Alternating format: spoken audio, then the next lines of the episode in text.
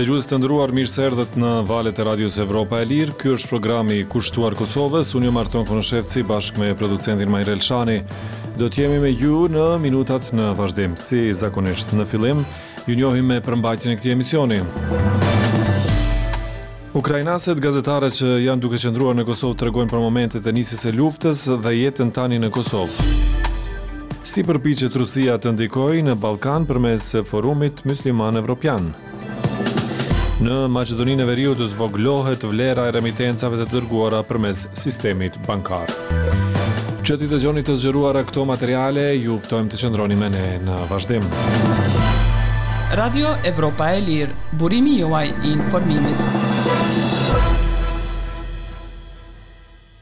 14 gazetare ukrainase po strehohen në Kosovë në kuadër të programit Gazetarët në Rezidencë, që është iniciativë nga Qendra Evropiane për Liri të Shtypit dhe Medias dhe mbështetet financiarisht nga Qeveria e Kosovës. Sot dy vjet pasi Rusia filloi pushtimin në shkallë të plotë në Ukrainë, ato ndajnë me Radion Evropa e Lirë historinë e tyre në kohën e fillimit të luftës. Ku ishin ato një ditë përpara se të fillojë pushtimi rus, a ishin të përgatitura për luftë, pse u larguan nga Ukraina dhe si është jeta e tyre në Prishtinë, mësojmë nga kronika në vazhdim që e ka përgatitur Gentiana Kadriaj. I woke up and heard the voice of planes in my window. Pas një nate të bukur në një koncert filarmonie, Ludmila Makej u zgjua nga zhurma e avionëve që kalonin mbi dritaret e shtëpisë së saj, në Ukrainën qendrore. Rusia kishte filluar të sulmonte në shkallë të plotë Ukrainën. Tentimi për të kontaktuar vajzën e saj në Kiev, kryeqytetin ukrainas, ishte gjëja e parë që Ludmila bëri mëngjesin e njëzet e katër shkurtit të vitit dy mijë e njëzet e dy, por iu desh të priste tërë ditën që të mund të mësonte se ajo ishte mirë. Njëzet e katër shkurti ishte me ngjyrë të zezë. gri dhe të bardhë, nuk pashë ngjyra të tjera, thotë Ludmila në një bisedë me Radion Evropa e Lirë në Prishtinë.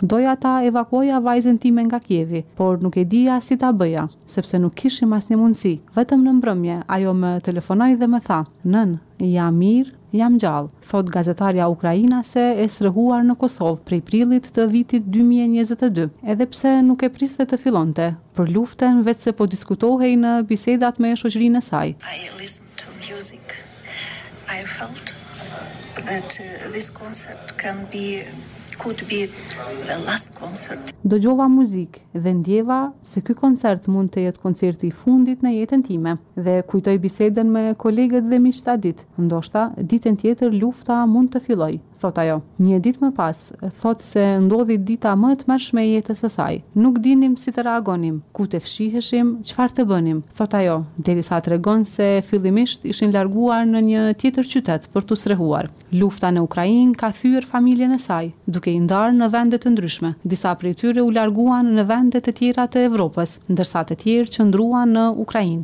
Me insistimin e njërës vajzë të saj, që jetonte në Bratislavë të Sllovakisë, Ludmila iu bashkua asaj pak kohë pasi nisi lufta. Atje kishte lexuar për programin për gazetarë rezidentë, vendosi të aplikonte dhe në prill të vitit dy mijë e njëzet e dy erdhi në Kosovë. Në Kosovë, Ludmilës iu bashkuan edhe trembëdhjetë gazetare të tjera ukrainase. Në mesin e tyre është edhe Tatjana Kraselnikova, po ashtu nga Ukraina qendrore, dhe Irina nga Chernihiv në veri të Ukrainës. Ende nuk mund të besoj se është e vërtetë, sepse është një situatë e tmerrshme. Shpresoj që të përfundojë me fitoren tonë, thotë Tatjana në një bisedë me Radion Evropa e Lirë, e cila në Prishtinë është bashkë me djalin e saj nëntëvjeçar. Një ditë para invazionit rus, ajo, Kishte marrë pjesë në një festë me kolegët e saj. Të nesërmen, thotë ajo, kuptuan se ishte bombarduar klinika në të cilën do të operohej babai i saj. Ne besuam se ndoshta do të zgjasë një muaj, por nuk ishte e vërtetë. Ne nuk po mund ta shohim fundin, thotë ajo.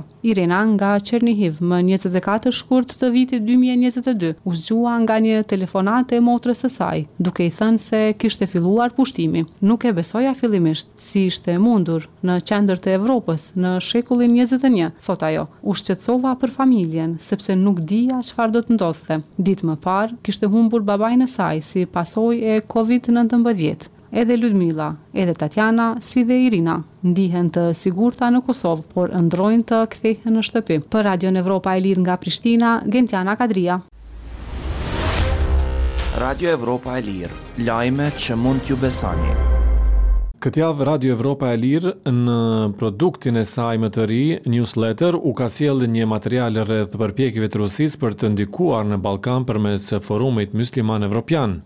Çfarë është ky forum, kush e udhëheq dhe çfarë synime ka në rajon, e kuptojmë në materialin e përgatitur nga Krenare Cubolli. Kur tensionet ndërmjet Prishtinës dhe Beogradit, qenë rritur në gushtin e vitit dy mijë e njëzet e dy për shkak të çështjes së targave ilegale serbe të automjeteve, të cilat përdoreshin në veri të Kosovës, Forumi Musliman Evropian kishte shprehur shqetësimin e tij se muslimanët mund të pësonin nga ndonjë incident i mundshëm.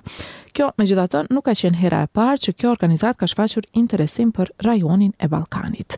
Puna e saj është përmendur së voni në një raport që ka përpiluar Royal United Services, me bazë në Mbretërinë e Bashkuar, i konsideruar instituti më i vjetër në botë në fushën e mbrojtjes dhe të sigurisë. Në raportin e titulluar Kërcënimi nga lufta jokonvencionale e Rusisë përtej Ukrainës, përmenden taktika të ndryshme të Rusisë për të krijuar përçarje në Evropë. Aty përfshihet edhe strategjia e Rusisë për të zgjeruar ndikimin e saj në botën muslimane nëpërmjet organizatave dhe fondacioneve bamirëse. Një ndër to është Fondacioni Ahmat Kadyrov, i cili tenton të popullarizojë si figurë fetare ish-udhëheqësin çeçen njëherësh babanë e udhëheqësit aktual të Çeçenisë, Ramzam Kadyrov, i cili është aleat i presidentit rus Vladimir Putin. Punë të ngjashme bën edhe Forumi Musliman Evropian.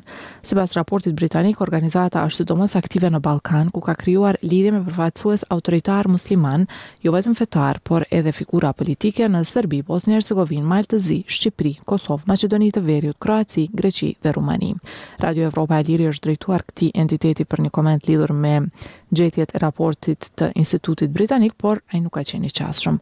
Në uebfaqen e saj në internet nuk gjenden të dhëna për mënyrën e financimit të organizatës. Lidhur me raportet që ka Kosova me Forumin Musliman Evropian, Në korrik të vitit dy mijë e njëzet e një, një delegacion nga Forumi Musliman Evropian i kryesuar nga kryetari i tij qëndroi për vizitë në Bashkësinë Islame të Kosovës dhe në Fakultetin e Studimeve Islame.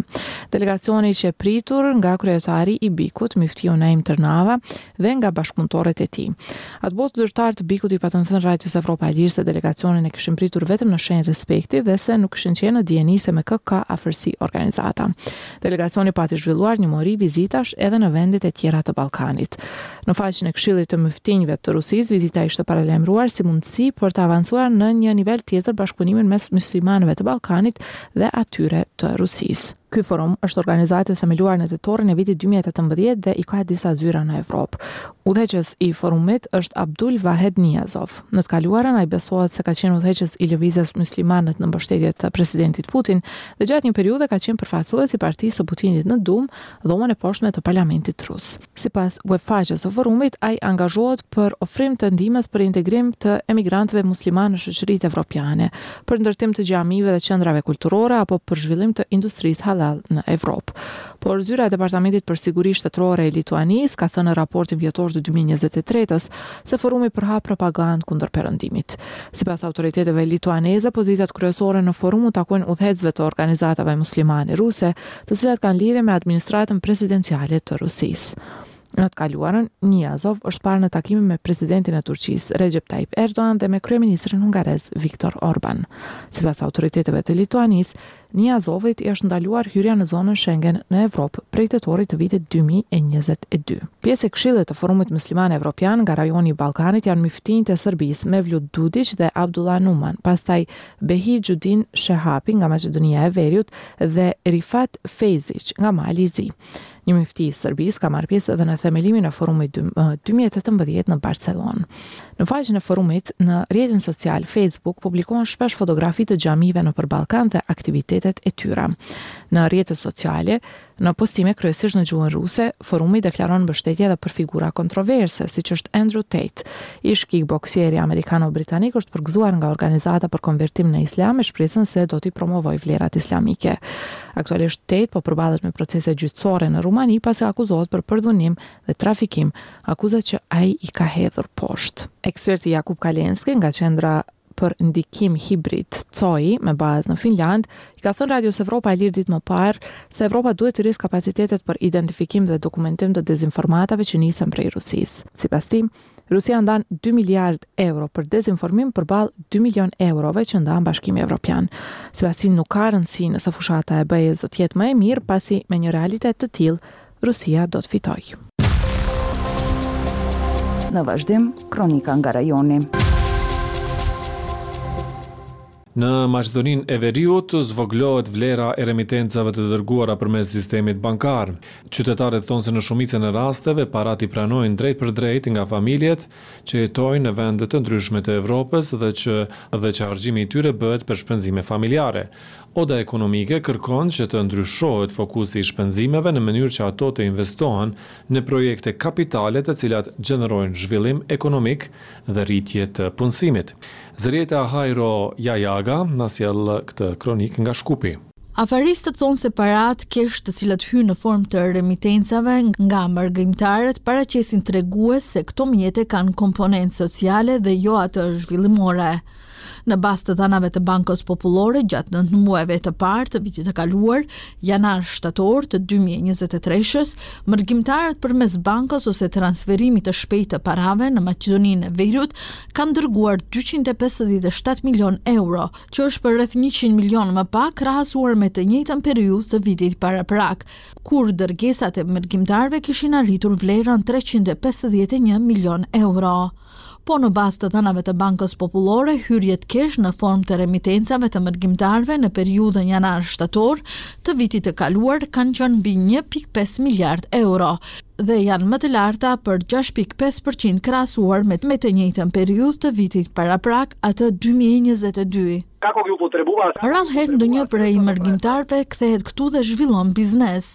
Investimet kryesisht kanë të bëjnë me objektet e banimit dhe ne këtë lloj investimi e cilësojmë si kapital të vdekur. Në qytetin tim, këtu në Sveti Nikollë mund të shohësh shtëpi të bukura, por të njëjtat janë të mbyllura. Mërgimtarët nuk besojnë në kushtet tona të biznesit, byrokracia është e madhe, institucionet janë partiake, kështu që nëse mërgimtarët kanë para të tepërta, atëherë ata vendosin të blejnë dy apartamente në Shkup, dhe jo të investojnë në biznes apo aksione dhe obligacione, thotë Angel Dimitrov, afarist i cili është nga qyteti i Sveti Nikollës, qytezë kjo në lindje të Shkupit nga i cili në bazë të regjistrimit të fundit të popullsisë gjatë dekadës së fundit janë shpërngulur rreth tre mijë banorë. Nga ana tjetër, Durim Zeqiri nga Oda Ekonomike e Maqedonisë Veriperëndimore për Radion Evropa e Lirë thotë se remitencat, përkatësisht dërgesat e mërgimtarëve vazhdojnë të mbulojnë një pjesë të madhe të deficitit tregtar, duke ofruar mbështetje të konsiderueshme për rezervat devizore si dhe stabilitetin e kursit të këmbimit. Zeqiri thotë se në momentin që remitencat e mërgimtarëve gjatë viteve të fundit tejkalojnë vlerën e investimeve të huaja, mërgimtarët duhet të gëzojnë po të njëjtat privilegje që kanë dhe investitorët e huaj. Pse mos trajtohen edhe mërgimtarët tanë të cilët mund të investojnë dhe të hapin bizneset e tyre edhe këtu, për shkak se ne si Odë Ekonomike jemi koshient që kemi shumë anëtarë të cilët veprojnë po ashtu edhe në Maqedoninë e Veriut, por edhe në shtetet e Evropës dhe më larg, pse këto mjete të mos mund të realokohen në investime duke iu dhënë këto incentiva, pra duke iu dhënë këto lehtësime tatimore dhe administrative procedurale, me qëllim që ata pastaj të jenë të stimuluar që të investojnë në vendin tonë. Kjo do të kishte një impakt të dyfishtë ekonomik, jo siç është rasti deri më tani ku përfitues kryesor janë vetëm qytetarët në aspektin social, pra duke duke u ndihmuar me mjete financiare, por këtu do të hapeshin mundësitë për vende të reja të punës, për sjelljen e teknologjive të reja dhe know-how nga shtetet më të zhvilluara nga të cilat edhe këta bashkatdhetarë tanë vijnë. Thotë Durim Zeqiri nga Oda Ekonomike e Maqedonisë Veriperëndimore. Ndryshe në Maqedoninë e Veriut brenda dy dekadave, përkatësisht nga viti dy mijë e dy deri në vitin dy mijë e njëzet e një në bazë të regjistrimit të popullsisë, numri i banorëve është zvogëluar për gati dyqind mijë banorë, Pra nga 2 milion sa kishte Maqedonia në vitin 2002, tani në shtet jetojnë vetëm 1.8 milion banorë. Për Radion Evropa e Lirë nga Shkupi, Zërijeta Hajro Jahjaga. Dëgjues të nderuar ishte kjo e tëra e përgatitur për këtë emision, kurse për informacionet e tjera më të reja nga Kosova, Rajoni dhe Bota, Ju ftojmë të vizitoni faqen tonë në internet në adresën evropaelire.org. Jemi aktivë edhe në rrjetet sociale. Duke ju dëshiruar një pasdite të këndshme, bashkë mirudëgjofshim.